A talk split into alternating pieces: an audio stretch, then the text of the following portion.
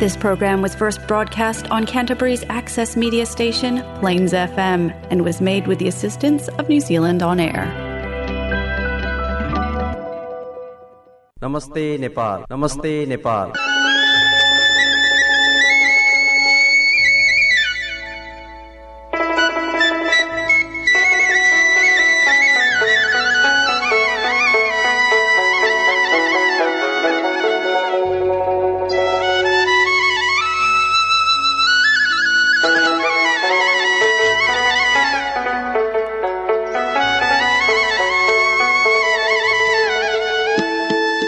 नमस्कार। Plains FM ninety six point nine मेगाजमा यो हो क्राइसिसवासी नेपालीहरूको आफ्नै कार्यक्रम।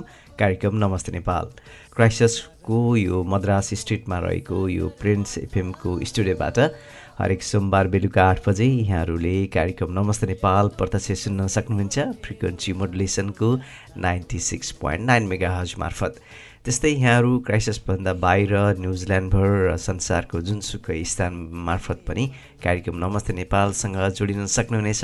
त्यसका लागि यहाँहरूले Plains FM dot ORG dot इन्जेटमा गइसकेपछि बेलुका आठ बजे सोमबार र बिहिबार बेलुका यहाँहरूले कार्यक्रम प्रत्यक्ष रूपबाट सुन्न सक्नुहुनेछ भने नमस्ते नेपाल क्राइसिस न्युजिल्यान्ड नामको फेसबुक पेज मार्फत पनि हामीले प्रसारण भइसकेका कार्यक्रमका पोडकास्ट लिङ्कहरू पनि सेयर गर्दै आइरहेका छौँ। त्यसमार्फत पनि यहाँहरू कार्यक्रमसँग जोडिन सक्नुहुनेछ। त्यसैले श्रोता आजको साँझमा यसरी कार्यक्रम नमस्ते नेपाल सुन्दै बस्नुभएका यहाँहरू सम्पूर्ण श्रोताहरूलाई सधैँझै म विनोद यहाँहरूलाई हार्दिक हार्दिक स्वागत नमस्कार टक्राउन चाहन्छु। श्रोता यसरी हप्ताको पहिलो दिनको सुरुवात पनि भइ नै सकेको छ। अब काम अनि अध्ययनका सिलसिलाहरू यहाँहरूका चलि नै रहेका छन् होला जस्तो लाग्छ। हुन त अब डिसेम्बर महिनाको पनि दोस्रो हप्तामा प्रवेश गर्ने तयारी गर्दै गर्दाखेरि अब यहाँहरूका विदा अनि घुमघामका तयारीहरू पनि निश्चय नै बनिसकेका छन् होला बन्दैछन् होला जस्तो लाग्छ। यद्यपि नेपालमा भए गरेका खबर सामग्रीहरू पनि हाम्रा नजरबाट टाढा रहने कुराहरू भएनन्। अब भर्खरै संसदको निर्वाचन र त्यसपछि सरकार बन्ने क्रियाशीलतामा गरेका खबरहरू पनि हाम्रा नजरमा परिरहेका खबरहरूमध्ये पर्दछन्। सरकारले टिकापुर घटनामा जन्म कैदको सजाय काटिरहेका रेशम चौधरीलाई छुट्याउनका लागि अध्यादेश नै ल्याएको खबर पनि अब बजारमा सामान्य र पुरानो खबर जस्तो हुन लागिसकेको छ। गत आइतबार बसेको मन्त्री परिषदको बैठकले मुलुकी फौजदारी कार्यविधि संहिता दुई हजार चौहत्तरको दफा एक सय सोह्रमा संशोधन गर्नका लागि सो अध्यादेश ल्याउने निर्णय गरेपछि अब त्यसका टिका टिप्पणीहरू सुरु भइ नै सकेका छन्। श्रोता बाहेक राजनीतिको नैतिक क्षयको विषय पनि अहिले प्रमुख बनिरहेको छ र कति सांसद कति माननीयहरू अभियुक्त माननीयका रूपबाट पनि दर्ज हुँदै गएका छन्। त्यो खबर पनि अब अहिलेको जल्दो बल्द खबरकै रूपबाट लिन सकिन्छ। जगन्ने अपराधमा मुद्दा खेपिरहेका र जेल परिसकेका व्यक्तिहरू पनि विधि निर्माणको सर्वोच्च थलो संसदको सदस्यमा निर्वाचित हुनु चिन्ताको विषय हो। यो तथ्यले स्वयं विधिको शासनकै धजी उडाएको छ र यसबाट संसद सदस्यका लागि तोकिएको योग्यता सूचीमा रहेको त्रुटि मात्र देखिएको छैन। यस्ता उम्मेदवार चयन गर्ने राजनीतिक दलहरूमाथि पनि नैतिक प्रश्न उठेको छ जसलाई दल र तिनका नेताहरूले सधैँ पन्छ्याउँदै आइरहेका छन्। अपराधमा मुछिएका व्यक्तिहरूलाई दलहरूले लाजै नमाने चुनावी टिकट दिँदै जाने र उनीहरू निर्वाचित पनि भइरहने सिलसिला जारी रहने हो भने लोकतन्त्रको विद्युपीकरण बढ्नेछ अपराधको राजनीतिकरण र राजनीतिको अपराधीकरण दुवै मौला हुनेछन्। अत यस्तो गलत अभ्यासमा विराम लगाउन आवश्यक विधिगत व्यवस्था मिलाउनु अपरिहार्य भइ नै सकेको छ। कानुन नसुधारिए अबका चुनावहरूमा पनि यो क्रम दोहोरिने निश्चित प्राय छ। जनताको सार्वभौम मतले आफ्ना लागि लायक प्रतिनिधि अवश्य चुन्छ। मतदाताले त केवल संसद र सरकारमा पुग्नका लागि राजनीतिक फैसला दिने हुन् र त्यसका लागि राजनीतिक दल र तिनका नेतृत्वहरूले उनीहरूमाथि उठेको नैतिक प्रश्नको विषयमा अलिकति गम्भीर हुनै पर्नेछ। त्यस्तै श्रोता चुनाव खर्च पनि महँगो हुँदै गर्दा राजनीतिज्ञ नै प्रत्यक्ष चुनावमा जान डराउन थालिसकेको बेलामा हालै सकेको प्रतिनिधि तथा प्रदेशसभा निर्वाचनमा दलहरूबाट धेरै उद्योगपति र व्यवसायीहरूले टिकट हताए र वा पनि धेरैले बाजी पनि जिते। अहिले पछिल्लो पटक झन्डै निर्वाचनको नतिजा आइ नै सक्दाखेरि संसदीय चुनावमा झन्डै तिन दर्जन उद्योग व्यवसायीहरू प्रत्यक्ष चुनावबाट सङ्घीय सांसदमा जनअनुमोदित भएका छन्। यसमा धेरैजसो राजनीति र व्यवसायलाई सँगसँगै अघि बढाएका विवादास्पद छवि भएका व्यक्तिहरू पनि छन्। अहिले राजनीति मात्र होइन अदालत पनि राजनीतिभन्दा टाढा छैन। महाअभियोग थाँती रहेको पछिल्लो संसदको कार्यकाल सकिएपछि निलम्बित प्रधान न्यायाधीश चोरेन्द्र शमशेद जवराको विषयले पनि अहिले समाचार बनाएको छ। यहाँहरूलाई थाहा भइ नै सकेको छ। त्यसैले राजनीति र न्यायालय पनि अब कसरी प्रभावित भइ नै रहेको छ भन्ने कुराहरूको पनि यो पछिल्लो उदाहरण बनेको छ। त्यो बाहेक श्रोता निहारीका राजपूतको मुद्दामा नाबालक सन्तानको पालन पोषण गर्नुपर्ने संवेदनशीलतालाई विचार गरी प्रस्तुत मुद्दा किनारा लगाउन अग्राधिकार दिएको समाचार लगभग आउँदै गर्दाखेरि आफूले न्याय नपाएको भन्दै सोलुङ खुम्बुकी बिनु यादवले सर्वोच्च अदालतको गेटमा रगत जस्तो रङ्ग फ्याँकिँदै विरोध गर्नुपर्ने अप्ठ्यारो अवस्था पनि छ। श्रीमानले आफूमाथि हिंसा गरेको तथा तर त्यस विरुद्ध उजुरी दिँदा पनि आफूले न्याय नपाएको भन्दै यादवले सर्वोच्चको गेट अगाडि रातो रङसहितको पानी फ्याँकेर न्यायको लागि आग्रह गरेकी थिइन् अनुरोध गरेकी थिइन्। जुन यो प्रतिनिधिमूलक कुराहरू मात्रै हो श्रोता चाहिएको व्यक्तिलाई समयमा न्याय दिन सकिएको छैन वा न्याय दिने बाटो अवरुद्ध गरिएको छ। यी केही प्रतिनिधिमूलक खबरहरू मात्र भए श्रोता यसरी बेलुका आठ बजेदेखि कार्यक्रम नमस्ते नेपालमा यहाँहरूलाई यी खबर सामग्रीहरू प्रस्तुत गरिसकेपछि अब कार्यक्रम नमस्ते नेपालको साङ्गीतिक पाटो पनि हामीले खोल्नुपर्ने हुन्छ। आजको नमस्ते नेपालको सुरुवातमा यहाँहरूको लागि एउटा मिठो गीत प्रस्तुत गर्दैछु। कालो केसमा तिमीलाई हेर्दै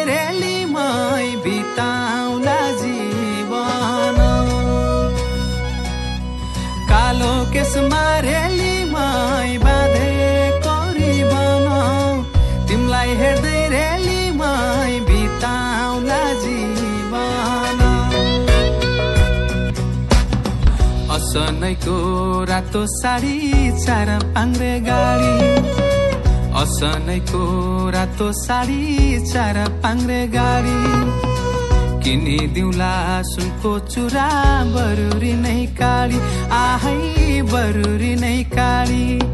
गाईलाई गोठरेली मै घोडालाई तबेला जाला जोबन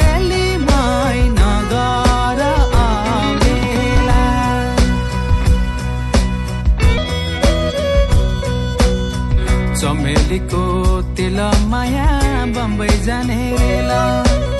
चमेलीको तेल माया बम्बई जाने रेला। कहिले हाँसो कहिले आँसु पिरतीको खेल। आहै पिरतीको खेल। कालो कौवा रेलीमै पिपलु हाँगैमा। झै पारुला रेलीमै यही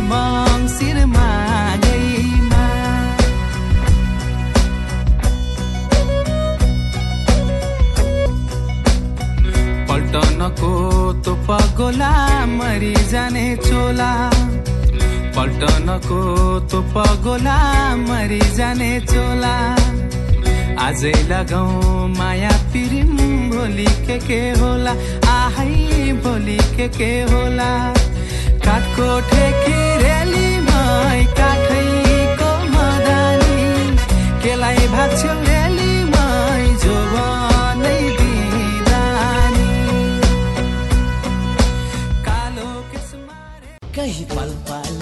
नमस्ते नेपाल।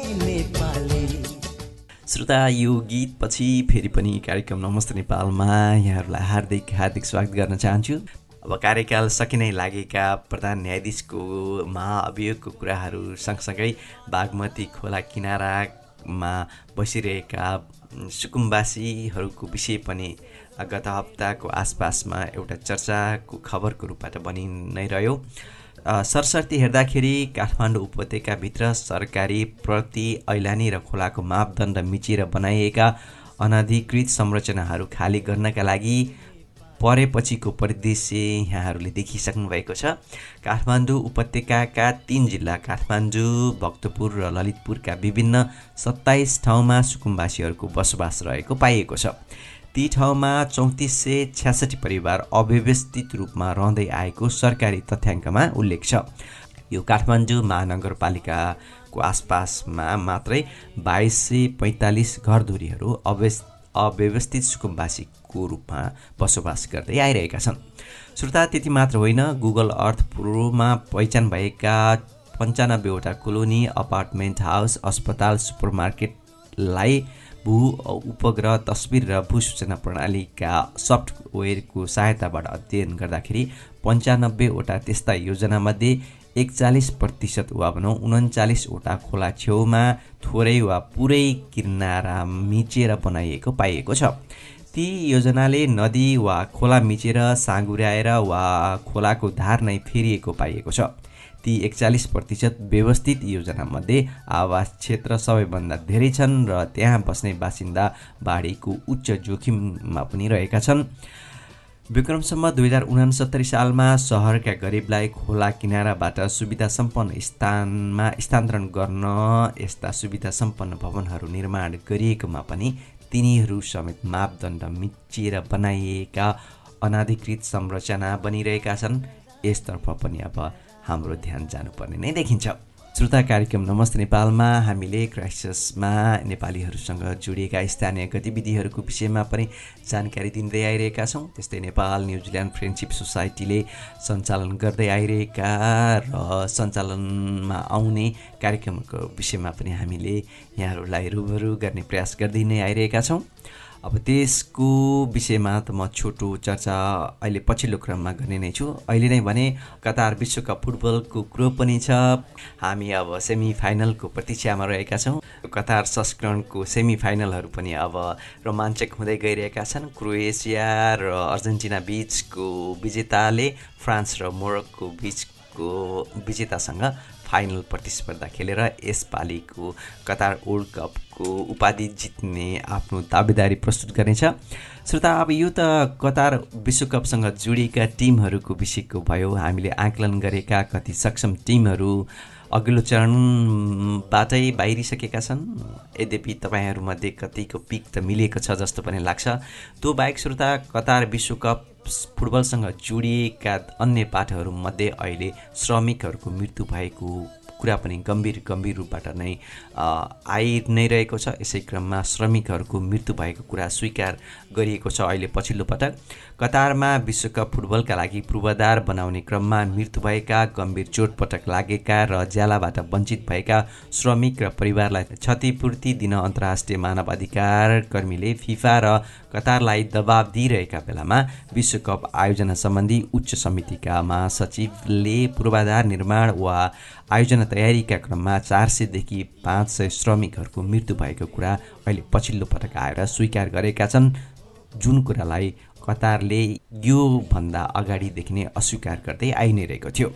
श्रोता तर यसअघि गार्डियनले सन् दुई हजार एक्काइसमा प्रकाशित गरेको खोजमूलक रिपोर्टमा नेपालसहित पाँच मुलुकका छ हजार पाँच सयभन्दा बढी श्रमिकहरूको यो कतारमा विश्वकप आयोजनाका लागि निर्माण गरिएका संरचनाहरू निर्माणको क्रममा मृत्यु भएको दावी गरिएको थियो। नेपाल सरकारले आधिकारिक रूपमा भने केही जानकारी नदिए पनि गार्डियनका अनुसार सन् दुई हजार एघारदेखि सन् दुई हजार बिससम्ममा सोह्र सय एकचालिस नेपाली श्रमिकहरूको सो क्रममा मृत्यु भएको थियो। त्यस्तै सबैभन्दा बढी दुई हजार सात सय बढी भारतीय श्रमिकहरू त्यस्तै बङ्गलादेशका एक हजार अठार पाकिस्तानका आठ सय चौबिस र श्रीलङ्काका पाँच सय सन्ताउन्नजना श्रमिकहरूको मृत्यु भएको गार्डियनको दाबी रहेको छ। श्रोता अब यो त कतार विश्वकपसँग जोडिएको कुरा भयो त्यस्तै गिभिङ ट्युजडेको विषयमा पनि यहाँहरूले सुन्न पाउनुभएको छ होला जस्तो लाग्छ।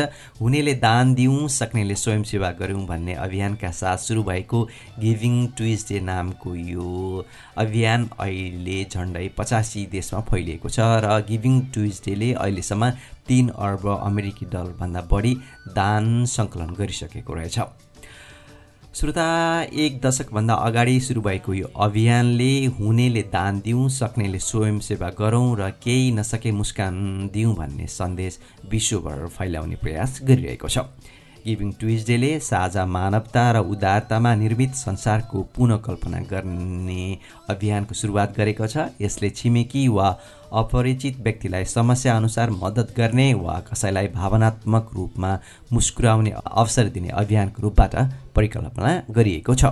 अब श्रोता यो त गिभिन ट्युजडेको कुरा भयो त्यस्तै नयाँ नोटसँग सम्बन्धित छोटो प्रसङ्ग यहाँ जोड्न चाहे। नेपाल राष्ट्र ब्याङ्कले नेपाली एक हजार दरका त्रिचालिस करोड थान नयाँ नोट छाप्नका लागि भारतको सरकारी कम्पनीलाई जिम्मेवारी दिएको छ। करिब एक अर्ब छ्यालिस करोड रुपियाँ बराबरको अमेरिकी डलरमा नेपाली एक हजार रुपियाँका दरका नोटहरूको डिजाइन छपाई र ढुवानीको काम सो कम्पनीले पाउने भएको छ र नेपाली एक हजार दरका त्रिचालिस करोड थान नयाँ नोट छपाईका लागि करिब एक अर्ब छ्यालिस करोड रुपियाँ बाहिरिने रहेछ। श्रोता यसरी नै नयाँ नोटसँग जोडिएको लगानीको कुराहरू पनि हामीले दसैँको सम्मुखमा पनि गरेका थियौँ। अहिले पछिल्लो पटक पनि यो पनि जोड्यौँ। श्रोता नयाँ नोट पछि अन्तरिक्ष अध्ययनका लागि नेपाल पनि एउटा गन्तव्य हुन सक्ने खालको एउटा उत्साहजनक खबर अब यहाँ जोड्न चाहेँ। श्रोता पृथ्वी बाहिरको संसार बुझ्न मात्र नभएर दैनिकी जीवनका लागि समेत आवश्यक मानिने अन्तरिक्षको अध्ययनका लागि नेपालका उच्च पहाडी क्षेत्रहरू एउटा उत्साहजनक गन्तव्य हुने वैज्ञानिकहरूले बताएको खबर पनि छ।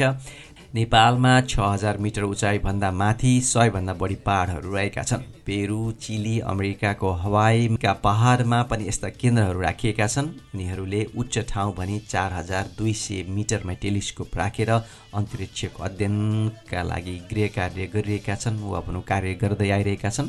तर नेपालका पहाड हाई अल्टिच्युडबाट हुने अध्ययनका लागि उपयुक्त रहेको विश्वका धेरै शोधकर्ताहरूले आफ्ना अनुसन्धानमूलक लेखहरूमा उल्लेख गरेको भए पनि सरकारी तहमा यसबारे कुनै किसिमको चासो छैन र पूर्वाधार निर्माण त धेरै टाढाको कुरा भयो। श्रोता नेपालमा तिन दशक अघि अर्थात् सन् नब्बेमै पाँच हजार पचास मिटर उचाइमा स्थापना भएको सगरमाथा राष्ट्रिय निकुञ्जको लोबोचे मा रहेको अध्ययन केन्द्र अहिले प्रयोगविहीन रहेकाले धेरै उपकरण राम्ररी चल्दैनन् र प्रविधि नष्ट हुने जोखिममा रहेका छन् भने हामीले अन्तरिक्षीय अध्ययनका लागि नेपाल गन्तव्य हुनसक्छ भन्ने कुराहरू गर्दा पनि तारतम्यता कति पनि नमिलेको जस्तो लाग्दछ। श्रोता यसरी बेलुका आठ बजीदेखि सुरु भएको कार्यक्रम नमस्ते नेपालमा फेरि पनि एउटा मिठो मिठो गीत प्रस्तुत गर्दै अब आजको कार्यक्रमलाई यो गीतपछि बिट मार्ने प्रयास गर्नेछु। अहिले नै भने यो मिठो गीत यहाँहरूको लागि प्रस्तुत गर्दैछु। आफ्नो भन्ने कोही छैनन् साथमा।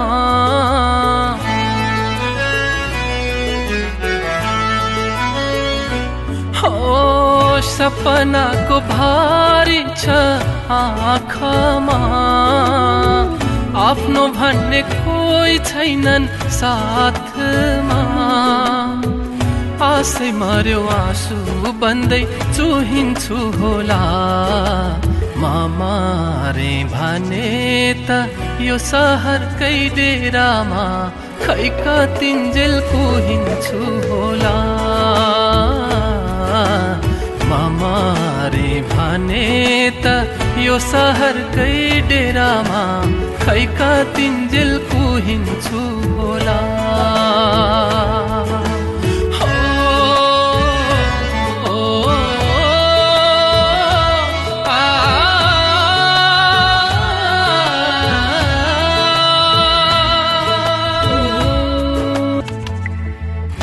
खायौ त भने नि कसैले।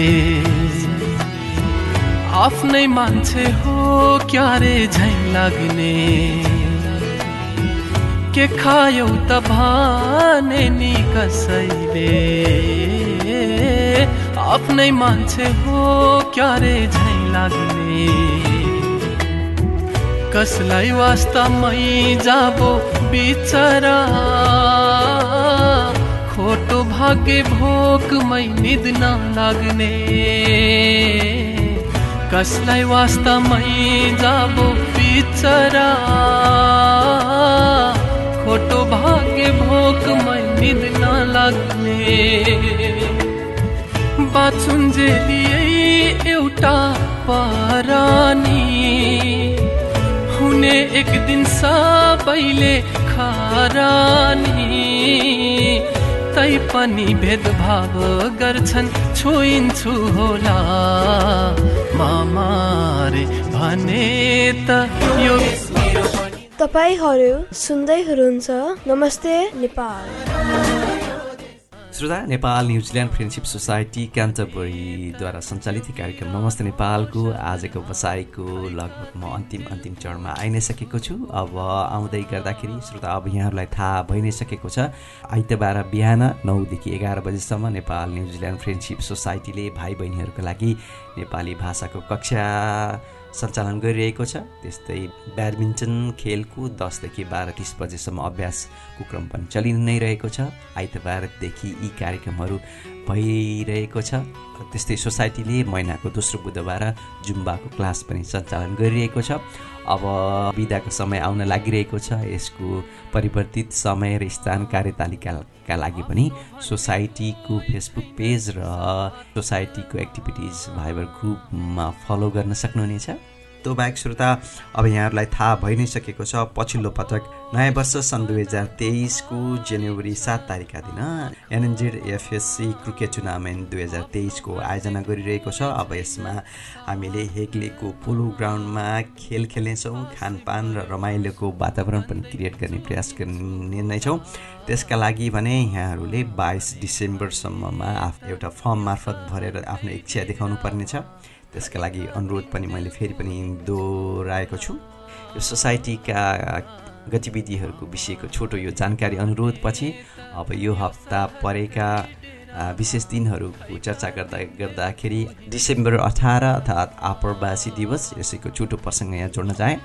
श्रोता रोजगारी र जीविकोपार्जनका लागि अन्य देश जाने र बस्ने प्रक्रियालाई सामान्य रूपमा आप्रवासन भनिन्छ र आप्रवासीहरू जुन देशमा पुगेको हो त्यही देशको कानुन अनुसारको सेवा सुविधाको मान्यता पाउनुपर्दछ भन्ने सन्देश फैलाउनका लागि सन् दुई हजारदेखि हरेक डिसेम्बर अठार तारिकका दिन यो दिवस मनाउँदै आइएको छ।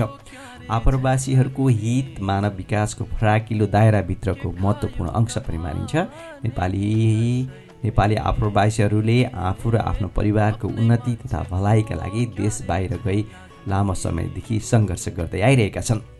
नेपालमा वैदेशिक रोजगारी विभागले प्रत्येक दिन करिब दुई हजारभन्दा बढी नेपालीहरू कामका लागि विदेशिने गरेको बताउँदै आएको छ। जसअनुसार पचास लाखभन्दा बढी नेपालीहरू अहिले रोजगारीका सिलसिलामा विदेशिएका छन्। विशेष गरी नेपालीहरूको गन्तव्य खाडी मुलुकहरू र मलेसिया त्यस्तै दक्षिण कोरिया पूर्वी अमेरिका पनि हो। नेपालीहरू कामकै लागि युरोपसहित अहिले विश्वका एक सय नब्बेवटा देशमा पुगिसकेका छन्।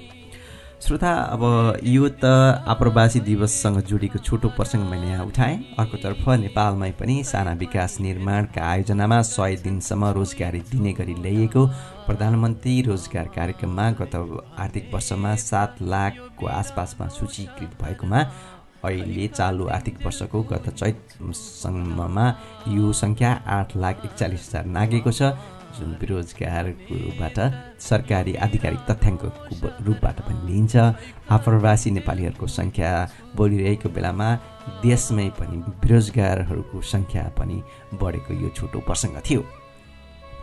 श्रोता अब कार्यक्रमको अन्तिम अन्तिम अपन कार्यक्रमको पुछारमा आउँदै गर्दाखेरि सुजित बिडारी निर्देशिक ऐना झ्यालको पुतली चलचित्र छोटो प्रसङ्ग यहाँ जोड्न चाहे जुन खुसीको खबरको रूपबाट पनि लिनुपर्दछ। नेपाली बक्स अफिसमा झन्डै एक करोड रुपियाँभन्दा बढी कमाएको फिल्मले यति बेला ओस्कारमा अन्तर्राष्ट्रिय फिचर विधातर्फ नेपाल प्रतिनिधित्व गर्न लागेको छ।